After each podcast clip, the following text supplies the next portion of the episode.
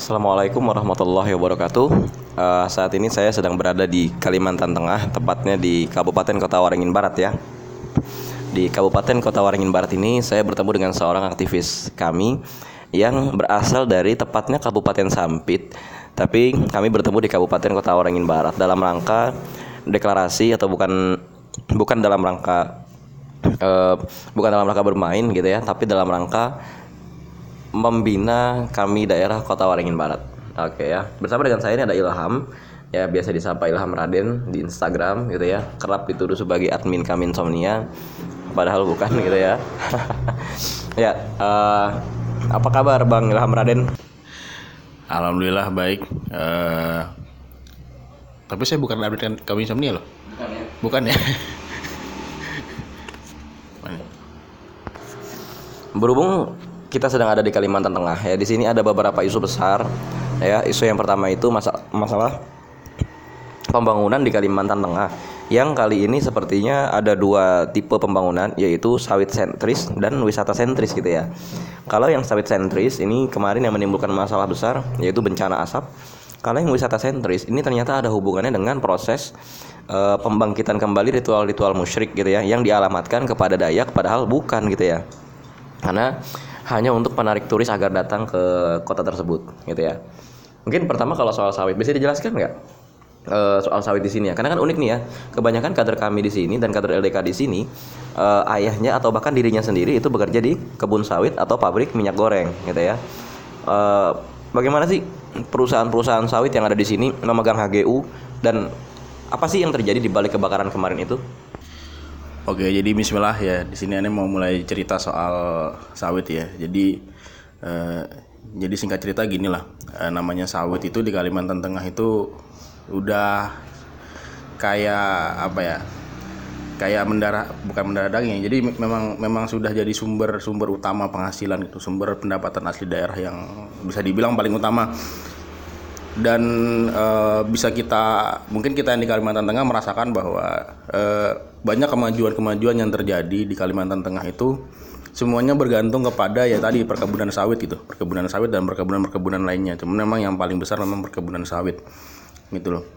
Dan uh, ada yang menarik ya bahwa di perkebunan-perkebunan sawit di Kalimantan Tengah gitu kan menurut data yang saya dapatkan dan hasil diskusi juga dengan kawan-kawan Walhi di Kalteng ketika momen DM2 Palangkaraya lalu itu ada itu disebutkan bahwa di Kalimantan Tengah sendiri itu 80% tanahnya itu sudah uh, konsesi. Artinya apa?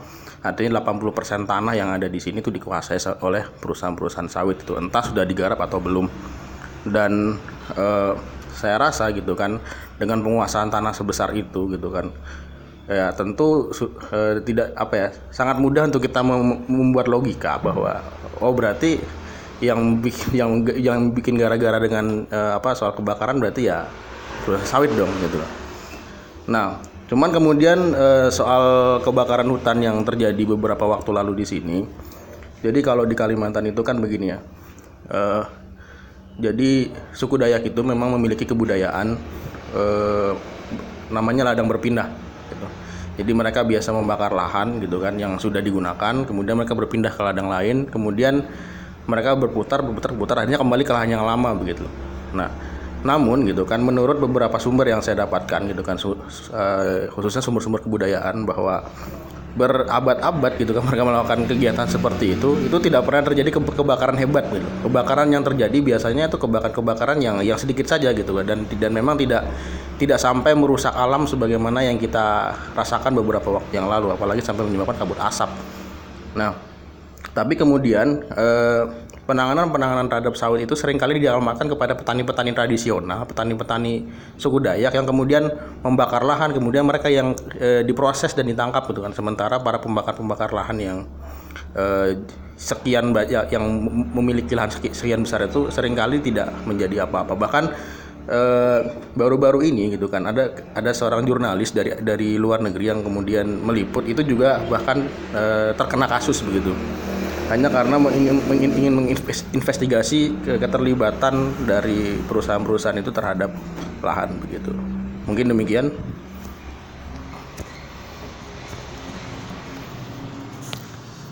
Baik, itu tadi penjelasan yang cukup menarik gitu ya bahwa ternyata di balik itu semua ada kasus pembakaran lahan oleh korporasi yang dilakukan oleh korporasi besar tapi eh, instruktur lapangan itu bahasanya. Eksekutor lapangannya itu adalah orang-orang Dayak sehingga yang kena orang-orang Dayak. Ini ada yang menarik ketika saya memeriksa data dari asosiasi pengusaha sawit. Eh, pajak atau total uang yang berputar dari asosiasi atau dari dari sawit ini ternyata salah satu yang menyumbang pendapatan paling tinggi di APBN sehingga ini menjadi kontradiktif kita mau mengatakan konversi dari sawit atau menghentikan kebakaran lahan tapi di satu sisi ternyata APBN kita bergantung kepada sawit. Ini kontradiktif. Sehingga ketika kemarin Uni Eropa itu menyetop pembelian sawit ya wah panik Indonesia itu kan. Yusuf Kala panik banget. Dia ingin menghentikan pembelian pesawat Boeing gitu kan sebagai ganti dari Uni Eropa yang menolak pembelian kelapa apa minyak CPO gitu ya jadi kontradiktif kita mau berjuang menghentikan kerusakan lingkungan tapi ternyata APBN kita mayoritas didapatkan dari usaha kerusakan lingkungan tersebut ya. Oke ya itu itu uh, uh, persoalan yang menarik gitu ya. Itu persoalan yang menarik. Uh, terus selanjutnya ini ada persoalan wisata ya yang eh, kita beberapa waktu lalu berbincang gitu bahwa ternyata ada pembangkitan kembali wisata yang berbasis ritual-ritual yang eh, distigma sebagai ritual adat padahal ternyata bukan ya coba mungkin bisa diceritakan nggak termasuk katanya Bang Ilham ini pernah eh, wawancara langsung dengan tokoh adat Dayak ya Nah, mungkin bisa diceritakan Oke, jadi begini ya, terkait tadi dengan sawit ya. Jadi kan kita tahu bahwa eh, hari ini sawit itu sudah mulai ini ya, sudah mulai eh, sedikit berkurang pendapatannya begitu ya. Karena tadi ya dengan adanya eh, boykot Uni Eropa dan segala macam permasalahan-permasalahan terkait sawit gitu kan. Maka ya bisa kita bisa merasakan bahwa mu- ke depannya kemungkinan pendapatan-pendapatan ya daerah gitu akan menurun gitu kan yang dihasilkan dari sawit.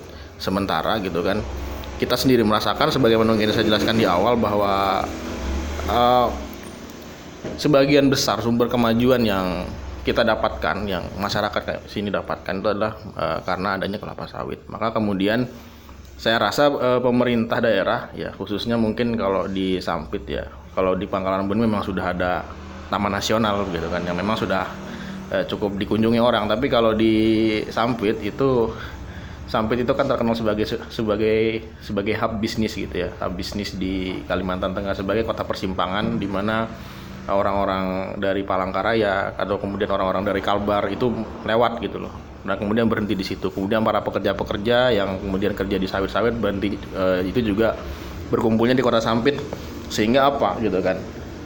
Sehingga kemudian Sampit ini ingin, ingin di- dikembangkan tapi sayangnya gitu kan menurut saya eh, soal eh, arah yang diambil oleh pemerintah daerah seperti serampangan begitu loh.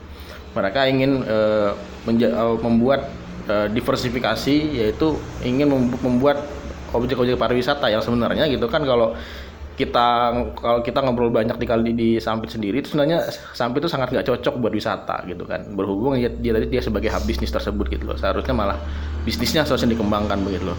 Nah terkait dengan eh, pembangkitan budaya musyrik saya sebenarnya sebenarnya ini bukan pembangkitan budaya musyrik karena eh, has, eh, dari hasil obrolan obrolan saya dengan eh, salah seorang tokoh adat yang pernah saya wawancarai sebelum DM3 itu itu eh, sebenarnya bahkan budaya itu memang tidak ada begitu loh.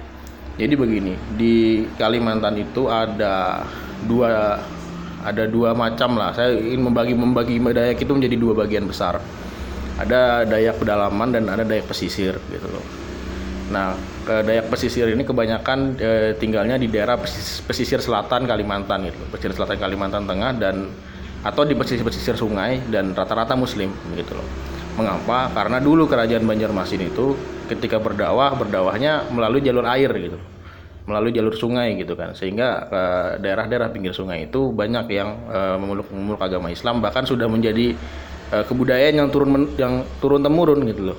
Hal ini bisa kita buktikan dari banyaknya makam-makam para eh, para ulama gitu kan. Yang sayangnya gitu kan meskipun makamnya ada tapi tidak terdokumentasikan dengan baik gitu kan karyanya apa, kemudian bagaimana beliau berdakwah itu banyak yang tidak terdokumentasikan dengan baik.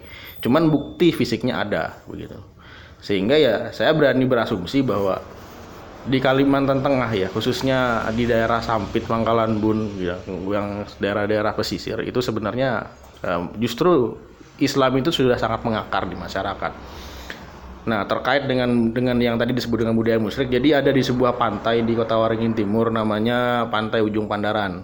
Nah, ini juga merupakan sa- salah satu daerah yang ingin dijadikan eh, destinasi wisata gitu loh. Di situ ada ya tentu ada pantai ya, pantai yang menghadap ke Laut Jawa, kemudian di situ juga ada air terjun yang warna airnya merah begitu. Nah, jadi eh, menurut masyarakat di sana gitu kan. Jadi sebenarnya eh, agenda budaya yang biasanya dilakukan masyarakat Ujung Pandaran itu adalah jadi setiap orang yang membuat kapal baru ya ya untuk kapal nelayan ya untuk mencari untuk mata pencarian mereka gitu kan untuk mencari ikan segala macam setiap mereka membuat kapal baru biasanya mereka tuh selamatan gitu jadi ya sebenarnya sama aja dengan daerah-daerah lain di Indonesia gitu kan. Jadi mereka membuat apa? Mereka syukuran gitu loh. Seperti apa gitu kan? Mereka menyembelih sapi karena memang Ujung Pandaran itu desa ini ya, desa desa pesisir di sana jarang ada sapi, ada kambing jarang gitu kan. Jadi mereka lebih banyak makan ikan gitu kan.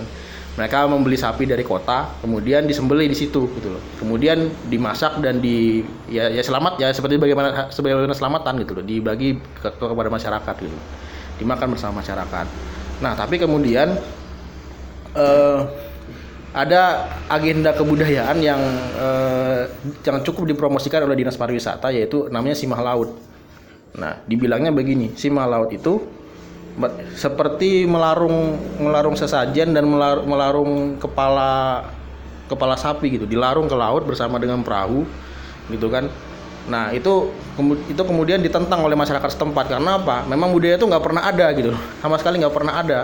Loh, bahkan dua tahun terakhir ini gitu kan, dua tahun terakhir ini masyarakat tuh membuat surat terbuka kepada bupati untuk menghentikan eh, agenda kebudayaan tersebut karena apa? Karena emang nggak pernah ada gitu loh. Faktanya gitu kan di pantai-pantai sekitar situ, di pantai Pagatan yang berseberangan dengan pantai Ujung Pandaran ya, sama-sama di Teluk Sampit itu nggak ada. Kemudian di pantai Kuala Pembuang juga nggak ada. Bahkan di ko- kota Waringin Barat yang juga yang juga merupakan pantai nggak nggak ada juga gitu loh. Jadi cuma di situ saja gitu. Ternyata setelah ditelusuri, ternyata itu merupakan sebuah proyek kebudayaan atau proyek proyek pariwisata, di mana ada eh, sebuah sanggar kebudayaan yang bekerja sama dengan bupati. Kemudian eh, bupati memberikan wadah gitu kepada dia untuk ya ya biasa proyek begitu. Jadi jadi jadi mereka membuat proyek kebudayaan, kemudian eh, mendapat daerah mendapatkan penghasilan dari situ gitu yaitu ya itu ya agenda Simalawa tadi yang sebenarnya juga sebenarnya tidak terlalu banyak menarik, menarik turis juga karena toh juga orang ke Sampit itu bukan untuk wisata tapi untuk bisnis gitu loh. Sehingga ya tadi gitu sudah ibarat kata memunculkan kemusyrikan gitu kan yang sebenarnya nggak pernah ada di sana. Kemudian eh, membuat eh, agenda yang sebenarnya menurut menurut saya juga sia-sia juga. Karena apa gitu kan? Toh eh, mau dibuat pariwisata sebagaimanapun ya bagaimanapun juga kota orang timur itu ya sebuah bisnis gitu kan sehingga orang ke sana itu tidak akan melihat pariwisata tapi akan eh, melihat bisnisnya begitu baik mungkin demikian yang bisa saya sampaikan terkait hal ini Ya itu ini sebenarnya terjadi juga ya di beberapa tempat di Jawa Barat, Jawa Tengah dan Jawa Timur. Ada satu tradisi yang tidak pernah ada gitu ya, tapi oleh apa? Oleh pemerintahan setempat itu diadakan kembali dan yang mengadakan itu lewat ormas, nggak lewat masyarakat. Karena emang masyarakat nggak pernah. Contohnya yang pernah dihadapi oleh beberapa kawan-kawan kita itu di Indramayu. Di Indramayu itu tiba-tiba ada lagi upaya apa usaha untuk membangkitkan ritual sedekah laut. Memang sih di zaman dahulu kala pernah ada, tapi daerah Indramayu itu dan Cirebon ya kemudian itu kan ada Sunan Gunung Jati.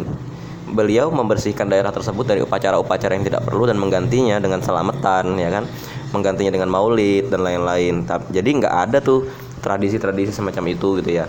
Jadi ibaratnya ini mungkin ya pemerintah ingin menyodorkan apa yang disukai turis ya tapi mengorbankan akidah gitu ya mengorbankan hal-hal lain yang sebetulnya nggak perlu ada gitu ya.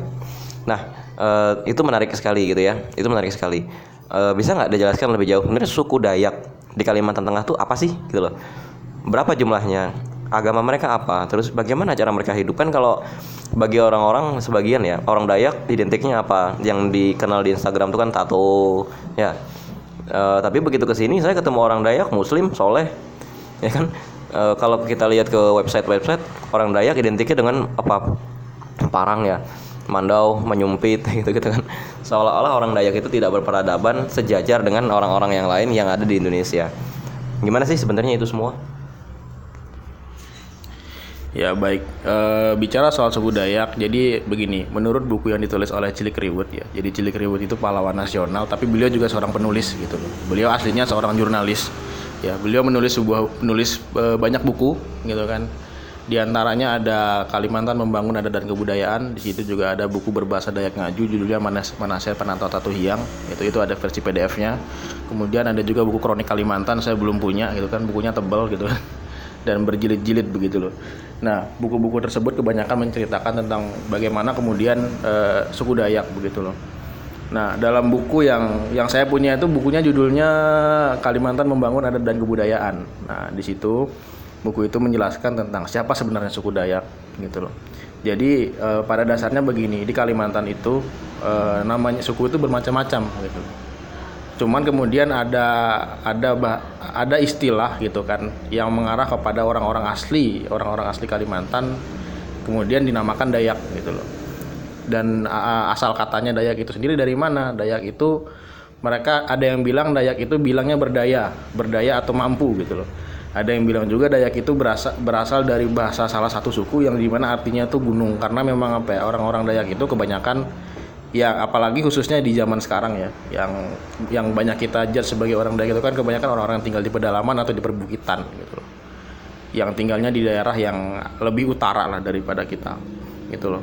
Eh, jadi intinya seben- intinya sebenarnya sebutan Dayak itu eh, sebutan untuk orang-orang asli Kalimantan apa pun sukunya gitu sukunya bisa macam-macam bisa suku Ngaju bisa suku Sampit bisa suku eh, Pangkalan Bun gitu kan. Kemudian bisa suku Maanyan, Ordanum gitu kan, Kenyah dan segala macamnya. Bahkan sampai ke Malaysia ada Dayak Iban, Dayak Laut dan segala macamnya. Jadi ada ada banyak ada ada sangat banyak suku Dayak gitu kan yang mereka yang masing-masing gitu itu memiliki kebudayaan yang berbeda-beda.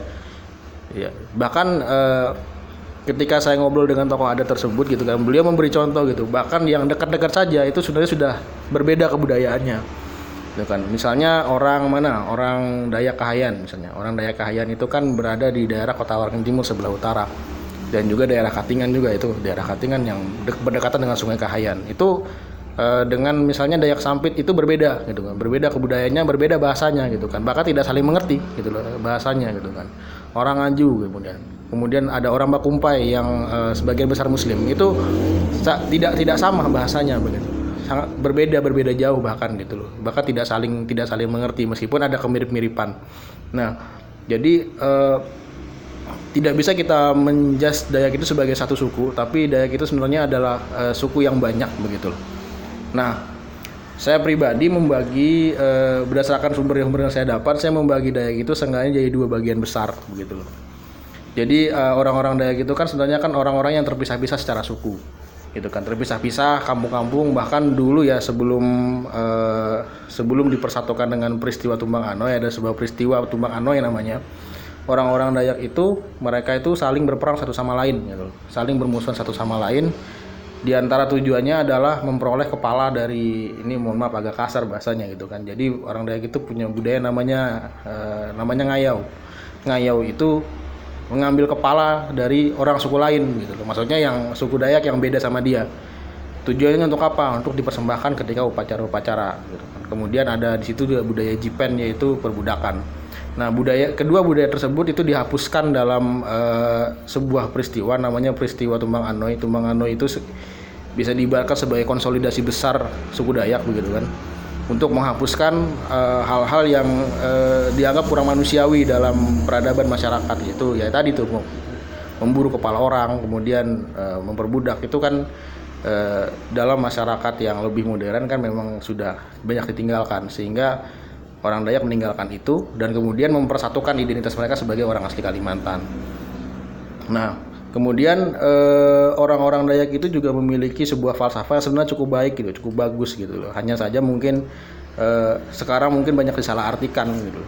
Jadi eh, orang Dayak itu punya falsafah namanya rumah betang. Rumah betang itu kan rumah suku Dayak. Jadi rumah yang besar gitu kan, sangat besar yang mungkin bisa dibilang satu rumah itu bisa 10 kepala keluarga atau atau bisa satu RT malah gitu kan saking besarnya begitu loh yang di mana setiap ya itu bisa kita ibaratkan sebagai apartemen lah begitu kan di mana setiap kamar itu berbeda-beda gitu kan berbeda keluarga gitu kan nah eh, di antara suku Dayak itu, suku Dayak itu kan kepercayaan aslinya keharingan, ya.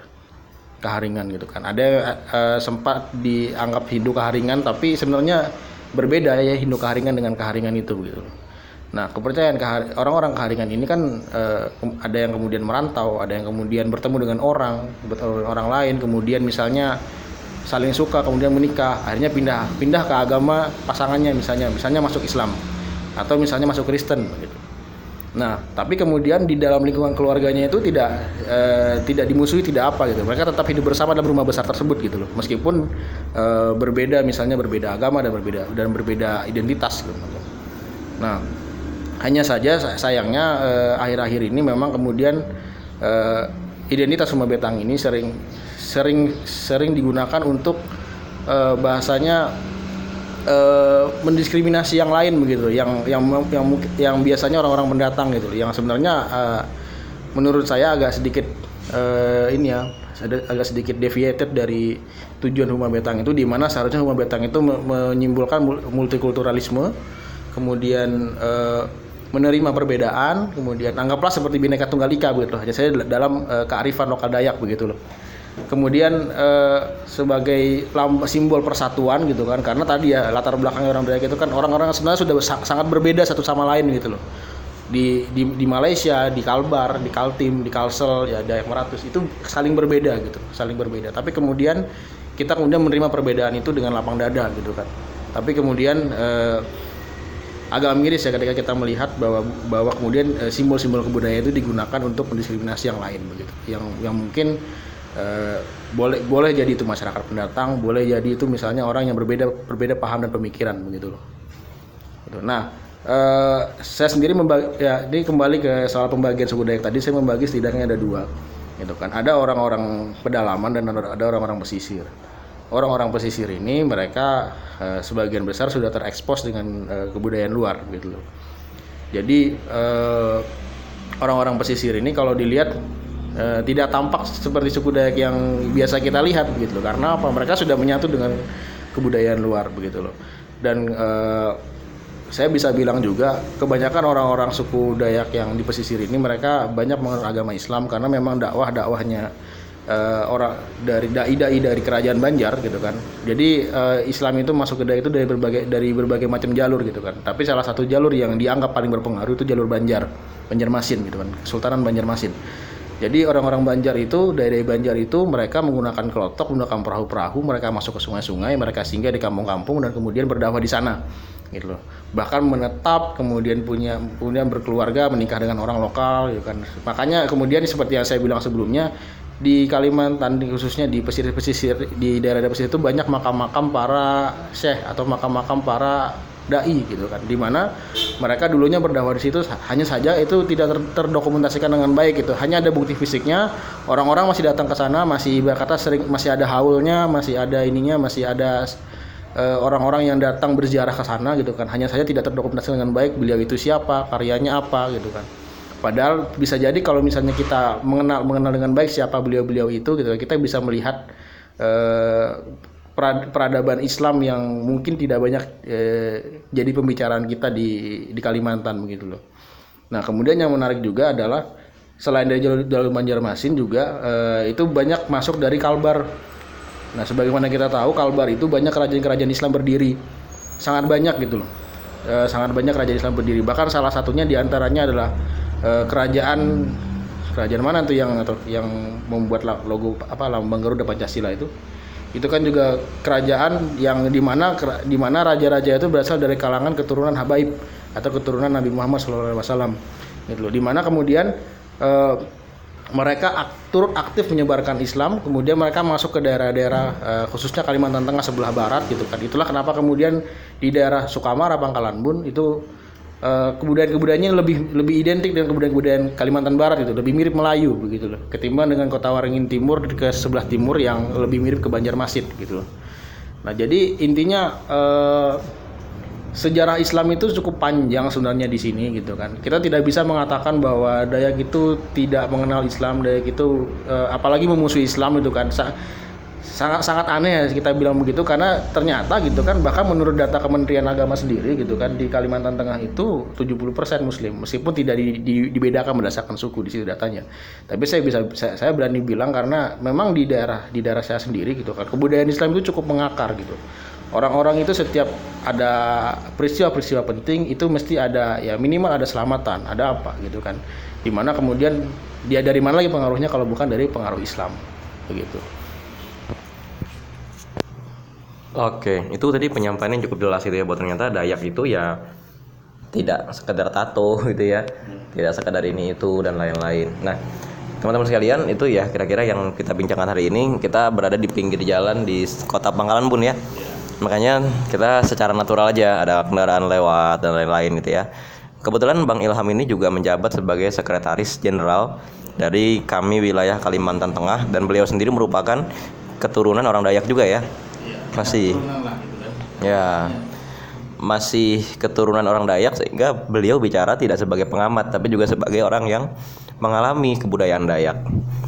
Nah, eh, kita doakan mudah-mudahan pengembangan-pengembangan Kalimantan Tengah ya yang dilakukan oleh kami dalam waktu dekat ini akan ada deklarasi dua Kamda, Kamda Kota Waringin Barat dan Kamda Sampit ya. Mudah-mudahan belum sih tapi mudah-mudahan doain aja Oh, kalau Sampit belum, tapi mudah-mudahan tapi kadernya sudah ada ya.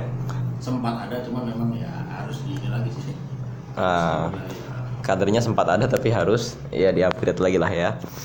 Oke, eh, rekan-rekan sekalian, itu kira-kira yang bisa kami sampaikan. Assalamualaikum warahmatullahi wabarakatuh.